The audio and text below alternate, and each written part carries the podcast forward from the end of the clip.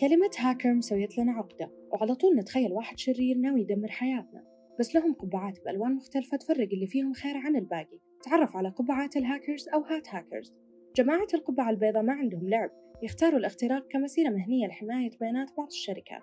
بالنسبة للسوداء حافظهم الطمع وانتهاك القانون. أما الرمادية بين الاثنين هدفهم مشبوه وأغلب سرقة أموال. والخضرة للمبتدئين اللي يبون يطورون قدراتهم. أما الحمراء يسوون اللي يبونه مع أن أغلبهم يحاربوا انتشار السوداء. وآخر قبعة الزرقاء مهمتهم الانتقام مع أن في شركات تستخدمهم سريا ليختبروا أمن البرامج الجديدة.